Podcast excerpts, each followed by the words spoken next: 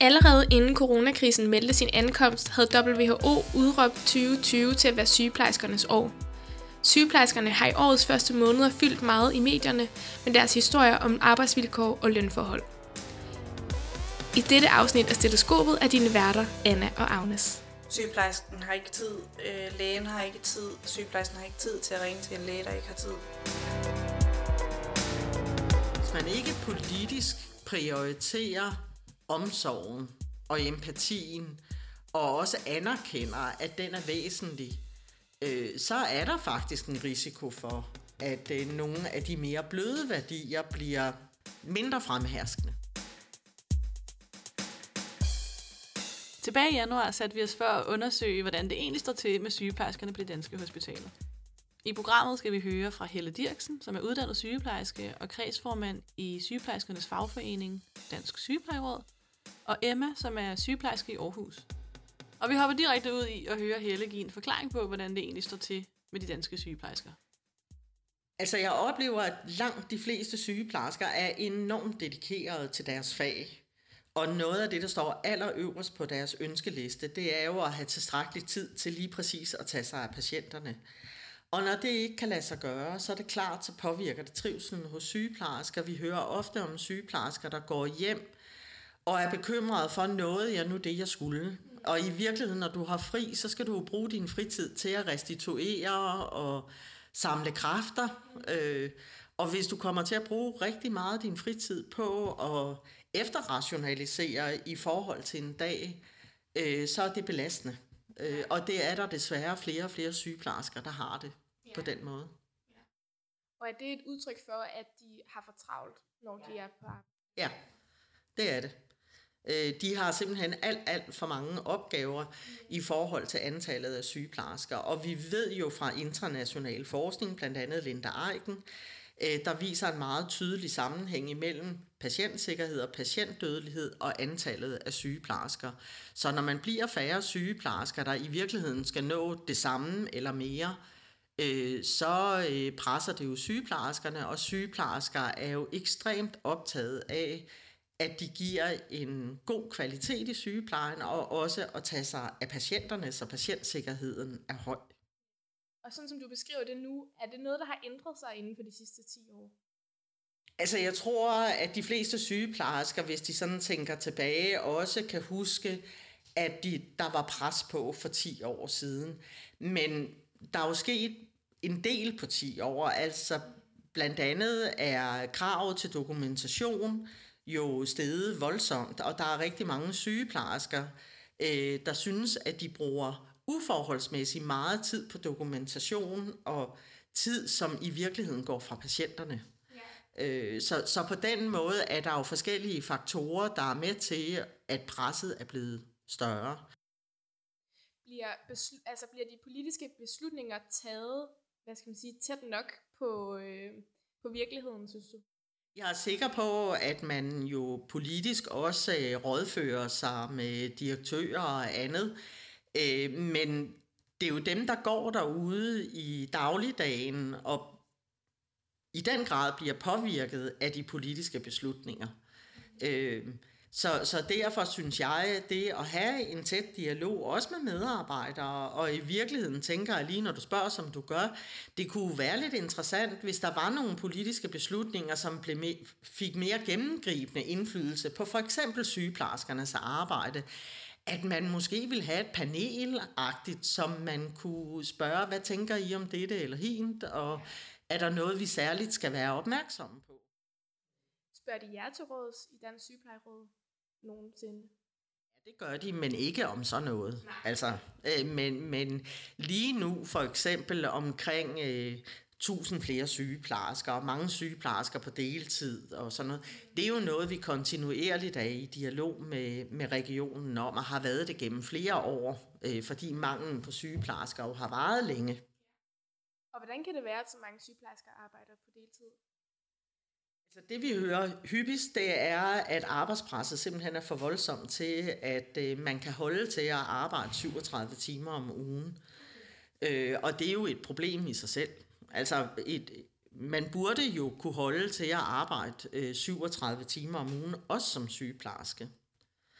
Øh, og så kan der jo også være nogle andre årsager. Øh, man kan være mor og tænker, at jeg vil gerne have mere tid sammen med mine børn eller min familie.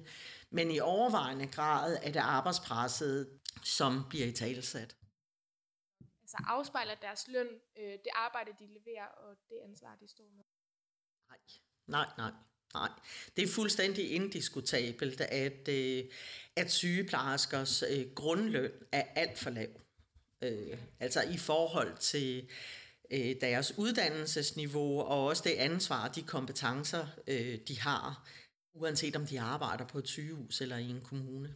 Og hvordan øh, forbedrer man det? Jamen det gør man jo blandt andet øh, ved overenskomstforhandlinger, og, og noget af det, vi jo også øh, har i tale sat gennem mange år, er, at den øh, indplacering, som store kvindefag fik i forbindelse med tjenestemandsreformen i slut 60'erne, øh, den har jo gjort, at vi halter bagefter, eksempelvis sammen med pædagogerne. Okay, fordi øh, det er mange kvinder? Ja, vi blev simpelthen, ja. det var så noget, der hed DUN, øh, det er sådan lidt teknisk, mm. men hvor vi blev indplaceret lavere end for eksempel politibetjente. Okay. Øh, og det efterslæb, det er jo noget af det, vi stadigvæk lider under, og derfor taler vi jo også meget om ligeløn, og den ulige løn, der er i Danmark, den kan vi ikke løse ved overenskomstforhandlingerne. Det kræver simpelthen, at Christiansborg viser vilje til at sige, der skal simpelthen penge til at rette op på det. Og det ved jeg, at vores formand, Grete Christensen, sammen med andre gode mennesker, sætter den dagsorden øh, hyppigt. Nu tager vi en pause for interviewet med Helle, for vi skal nemlig et smut til Aarhus med Nana, som er over at tale med Emma om livet som sygeplejerske. Jeg hedder Emma, og jeg er 29 år gammel. Jeg er uddannet sygeplejerske i 2015. Der har jeg arbejdet knap tre år på en sengeafdeling og øh, i foråret skiftede jeg til en privat virksomhed, hvor jeg sidder som rekrutteringsspecialist. Og her fra februar måned, der starter jeg på klinik for kikkertundersøgelser ude på Skyby sygehus. Kan du sige lidt om, hvorfor du i sin tid valgte at blive sygeplejerske? Øh, jeg tror, at, øh, at det var på baggrund af noget så banalt og gammeldags som det der kald, som de snakker om på sygeplejerskolen. Øh, jeg har altid vidst, at jeg gerne ville arbejde på sygehus. Jeg tror, jeg troede i mange år, at jeg skulle være læge. Øh, så søgte jeg ind på sygeplejerske med henblik på at blive læge. Men allerede efter min første praktik, så fandt jeg ud af, at jeg ville hellere have kontakten med patienterne og føle, at jeg ligesom gjorde noget for nogen, var noget for nogen. Så jeg endte med aldrig at søge ind på medicin. Mm. Man havde rigtig meget lyst til at, at hjælpe kan du uddybe lidt, hvad der ligger i det her, du betragter som et kald? Jamen, den her trang til at have, at have lyst til at hjælpe folk, og ligesom være noget for nogen, der er syge øh, være der for folk i tilspidsede situationer. Både de øh, rigtig, rigtig gode situationer, men også rigtig meget i de svære situationer. Og føle, at man kan gøre en forskel i både de svære og de gode situationer. Mm. Hvordan stemte dine forestillinger om arbejdslivet som sygeplejerske overens med den virkelighed, du kom ud til? Jeg tror, jeg fik lidt et chok, da jeg kom ud som, øh, som sygeplejerske, øh, efter jeg var færdiguddannet. Øh, der er stor forskel fra at være i klinik, og så på at komme ud som færdiguddannet sygeplejerske og stå med ansvaret fra dag 1 fordi der bare ikke rigtigt er den mulighed for oplæring, som de nye sygeplejersker desperat har brug for, når de kommer ud. Øh, og jeg vidste godt, at sygeplejersker havde travlt. Det har vi fået at vide overalt. Men det er svært at forestille sig, hvad travlt er, før man kommer ud og står i det, og står med travlheden i den ene hånd, og så alle de her patienter, som man gerne vil være noget for i den anden jeg var heldig, da jeg startede øh, som sygeplejerske, fordi jeg kom på en afdeling, hvor min bedste veninde arbejdede som sygeplejerske. Så jeg havde altid en, jeg kunne spørge til råds. Men det, jeg sådan, synes, at jeg har oplevet ved, øh, ved mange sygeplejersker, der er kommet efterfølgende, er, at man bliver jo lovet øh, oplæring og mentorordning og alt muligt andet. Men når vagtplanerne skal gå op, så kommer de nye sygeplejersker bare rigtig hurtigt til at gå ind i normeringen på en uhensigtsmæssig måde i forhold til oplæringen. Og lige pludselig står med, øh, med alt ansvar for patienterne selv, selvom de måske kun har været uddannet i en uge eller to, og ikke rigtig har prøvet at have nogle patienter selv, og så lige pludselig møder de ind i en aftenvagt og tror, de skal følges med deres mentor, men deres mentor er der ikke, fordi at vagtplanen er lavet om, og så står de lige pludselig og skal have patienter selv. Og står i situationer, de måske ikke har stået i før. Skal give medicin, de ikke har givet før, eller nogle andre opgaver, som de måske slet ikke vidste, der var på, på afdelingen.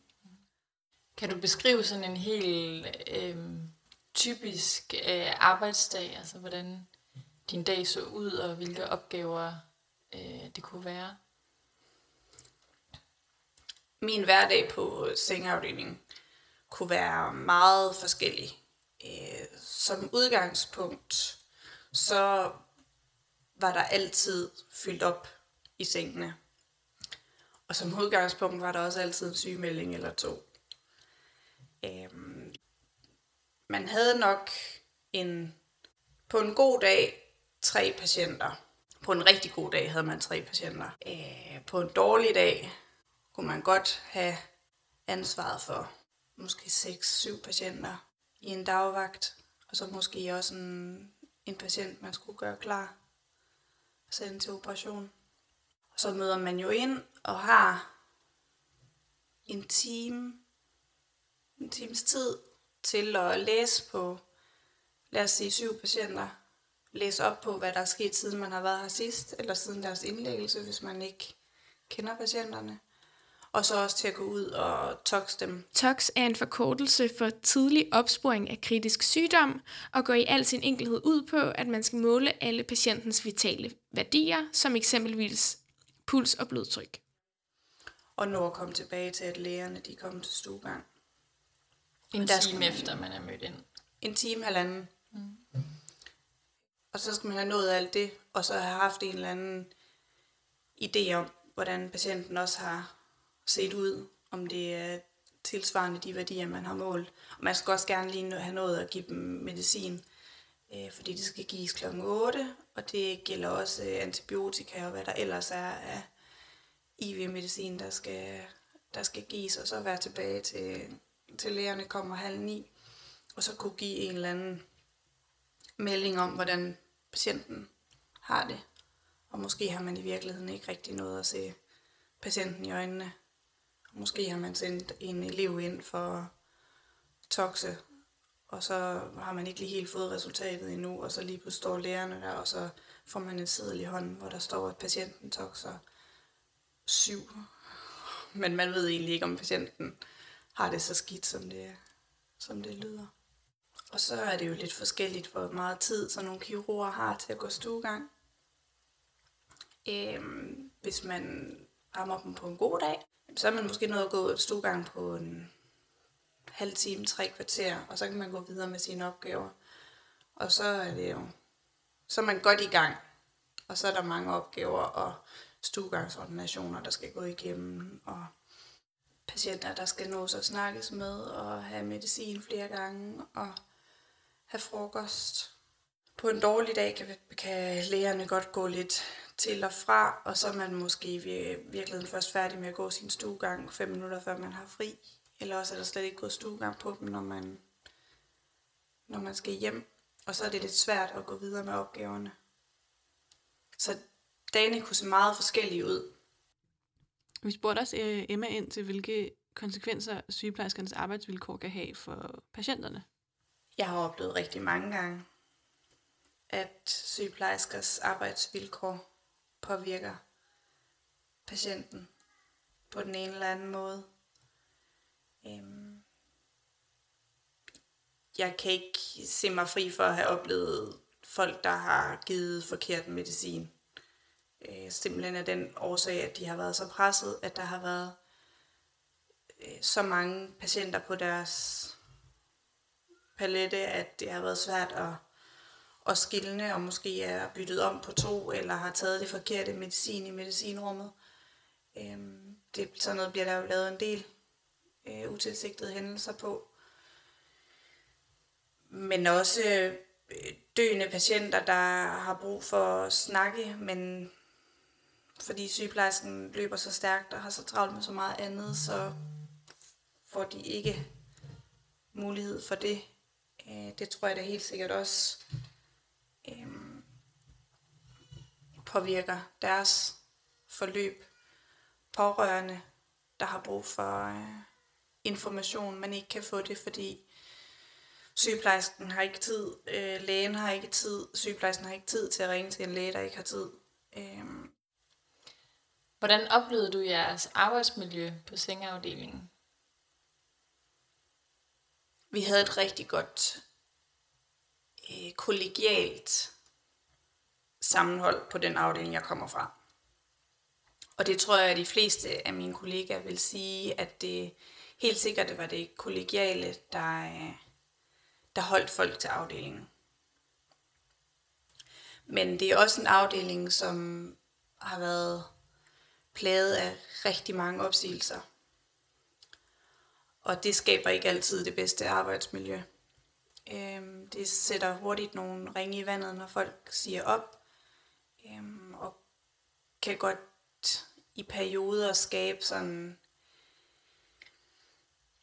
jamen, rigtig meget snak om, hvorfor folk siger op, og hvor træls det hele er, og at man måske også selv burde sige op. Øhm, og det gør jo ikke noget specielt positivt ved arbejdsmiljøet. Så det kunne i, i perioder godt fylde ret meget, øh, fordi der var mange opsigelser på den tid, jeg var på afdelingen. Oplevede du noget i forhold til sådan, hvad skal man sige, egenomsorgen som sygeplejerske? Muligheden for at tage vare på sig selv og sine egne behov i løbet af sådan en vagt? Jeg spiste rigtig sjældent frokost. det øh, tror jeg mange af mine kollegaer, både på min gamle afdeling og på mange andre afdelinger, kan ikke genkende til. Øhm, vi har hørt så meget af medierne om, at øh, ammen og sygeplejerskerne får jo også betalt øh, frokost. Men jeg kender rigtig, rigtig mange, der virkelig, virkelig sjældent har gjort brug af den betalte frokost. Øhm, bare sådan noget som at huske at drikke vand. Eller gå på toilettet. Altså det er ikke for sjovt, det hedder sygeplejerske blære. Det er helt reelt, at man er nødt til at lære at holde sig.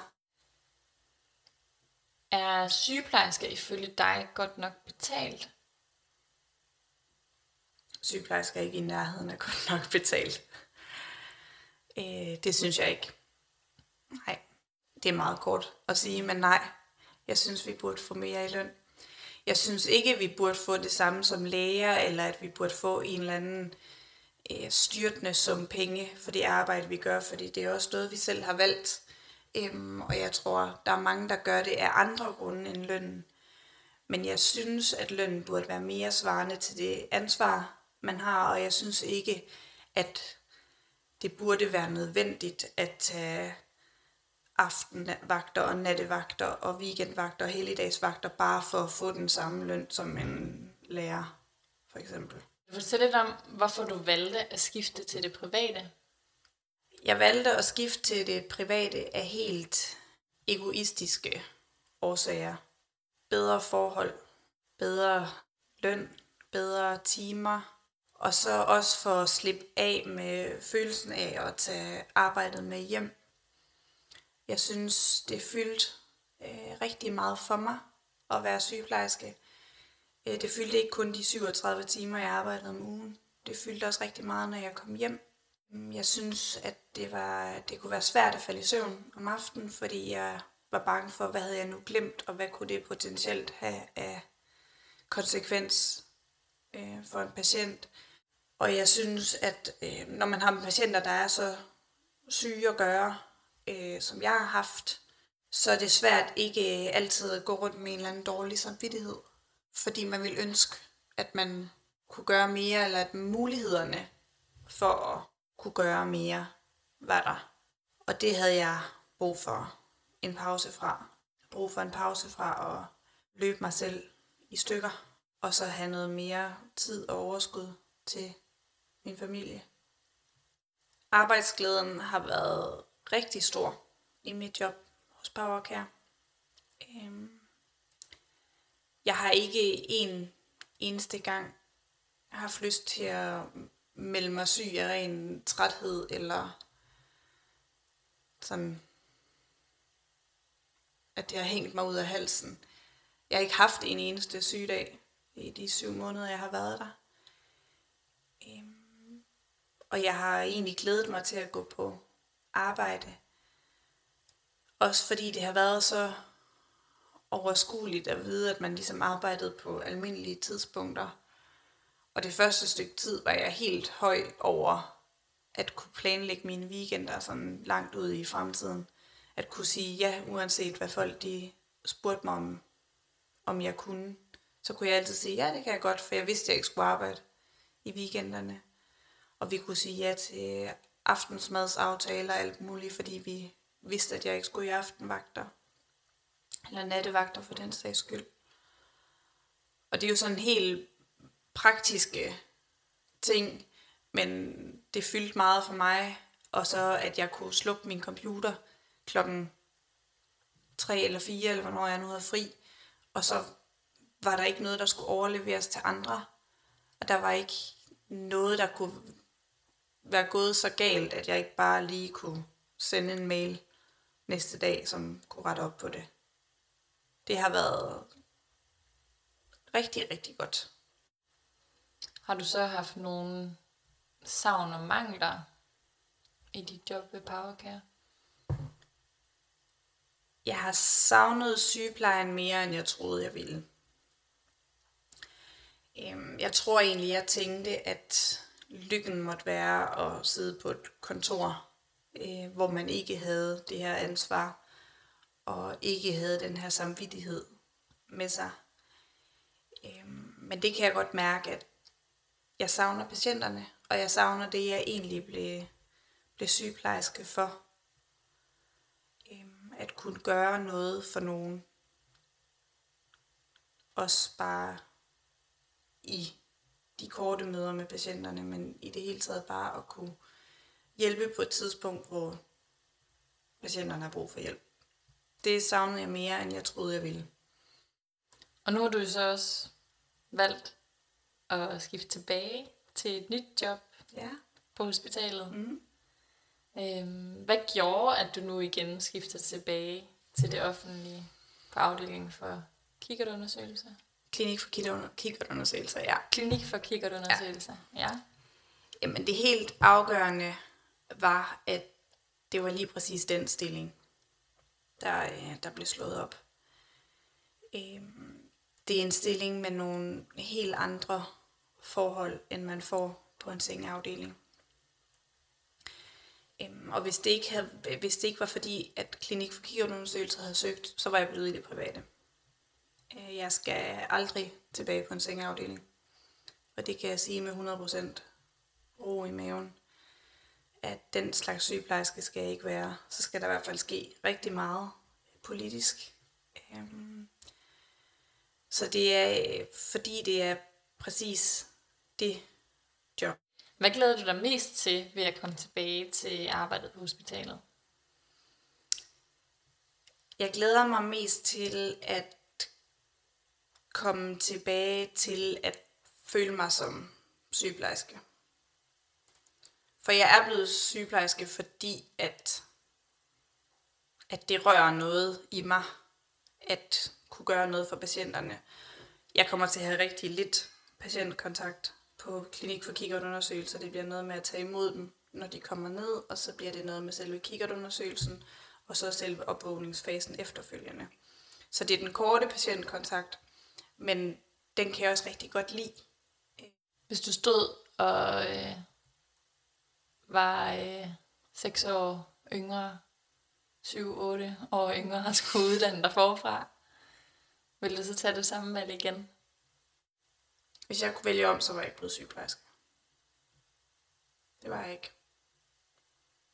Og hvis en af mine døtre nogensinde kommer og siger, at de vil være sygeplejerske, så vil jeg bede dem om at tænke sig rigtig, rigtig godt om. Jeg havde ikke sat mig nok ind i, i arbejdsforhold, da jeg blev sygeplejerske. Det ville jeg ønske, jeg havde, for så var jeg ikke blevet det. Tusind tak til Emma for at fortælle om sine oplevelser som sygeplejerske. Det har tydeligvis ikke været en dans på roser hele vejen igennem, og hendes fortælling sætter virkelig sygeplejerskernes svære arbejdsforhold på spidsen. Nu skal vi tilbage til Helle og Anna, som snakker videre om tiltagene, der skal forbedre sygeplejerskernes arbejdsvilkår. Hvordan øh, påvirker samfundsdiskursen sygeplejerskers øh, arbejdsglæde? Der er jo blevet talt meget om det her i forbindelse med valgkampen sidste år. Øh, jeg, jeg synes, det er svært, et svært spørgsmål at svare på. Øh, men jeg tror, der er, altså, nu taler vi jo om sygeplejersker, som om sygeplejersker er en størrelse, og det er de jo ikke. Sygeplejersker er jo i virkeligheden en meget mangfoldig gruppe, og heldigvis for det. Øh, og sådan i forhold til valgkamp og tusind flere sygeplejersker, så tror jeg, der er nogle sygeplejersker, der synes, det er, det er rigtig, rigtig godt, og det er vigtigt, at øh, vi er brugt igennem lydmuren med, at der er for få sygeplejersker. Og så er der andre, der øh, måske ikke helt synes, at det er, jamen, de er måske glade for den dagsorden, der er blevet sat, men hvor skal vi få dem fra? Ja, og øh, nu nævner du selv det her øh, tiltag med de tusind flere øh, sygeplejersker. Øh, hvad mener du om det?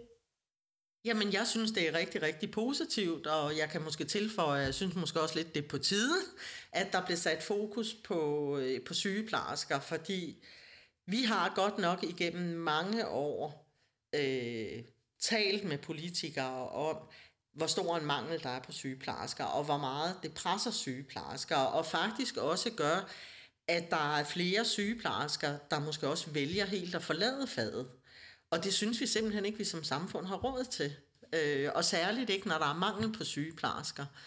Så vi er selvfølgelig rigtig, rigtig glade for, altså det sker der ikke så tit, at en faggruppe kommer med i en øh, finanslov, øh, og heller ikke i forhold til hele det forståelsespapir, der blev lavet af den nye regering. Så vi er glade for det, og vil rigtig gerne øh, med alt, hvad vi kan bidrage med, øh, se om det så også kan blive til virkelighed.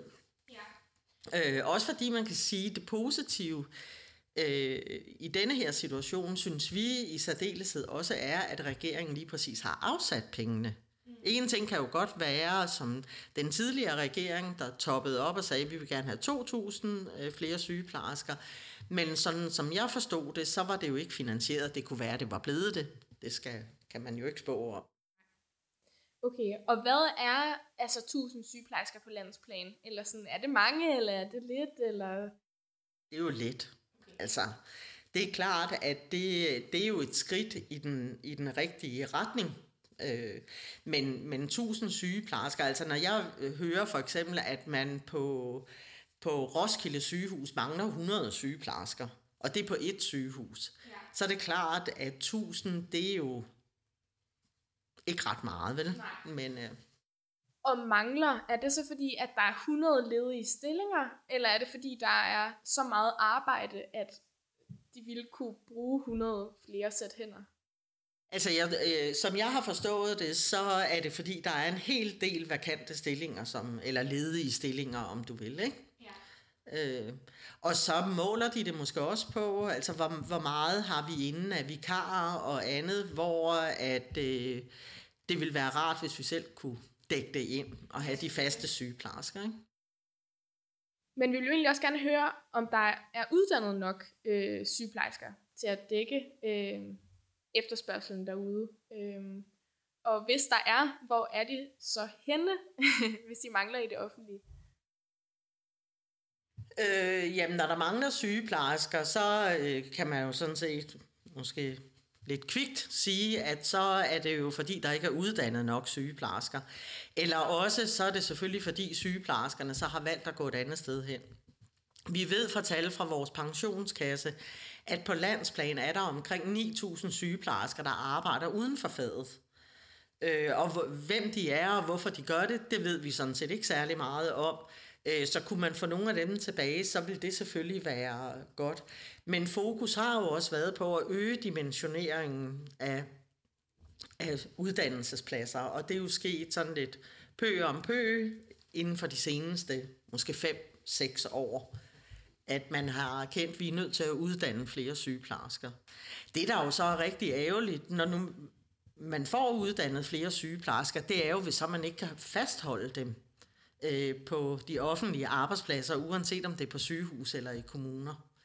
Øh, og der har øh, arbejdsgiverne altså en rigtig, rigtig stor opgave i at, at arbejde på, at sygeplejersker får frigjort mere tid til det, de er uddannet til, nemlig at tage sig af patienterne, og at de forhåbentlig også kan få færre patienter per sygeplejerske. Ja. Så regeringen har jo også for nyligt øh, bevilget 44 millioner øh, til øh, sygeplejerskeuddannelsen, og øh, hvad har du af tanker om det? Jamen det synes jeg igen er et udtryk for, at regeringen har hørt øh, hvad der er blevet sagt fra os og mange andre gennem øh, lang tid, at vi ved, at der er nogen, der øh, forlader sygeplejeuddannelsen, øh, simpelthen fordi, når de kommer ud i virkeligheden, så får de simpelthen et chok. Altså, at der er for store øh, forskel i det, der sker inde på, på professionshøjskolerne, hvor man jo har sygeplejerskeuddannelsen, og det, der sker ude i virkeligheden. Så som jeg har forstået det, så de 44 millioner, som jo lyder af voldsomt mange penge, altså hvis det var os to, der havde fået den, så ville vi jo synes, det var fantastisk.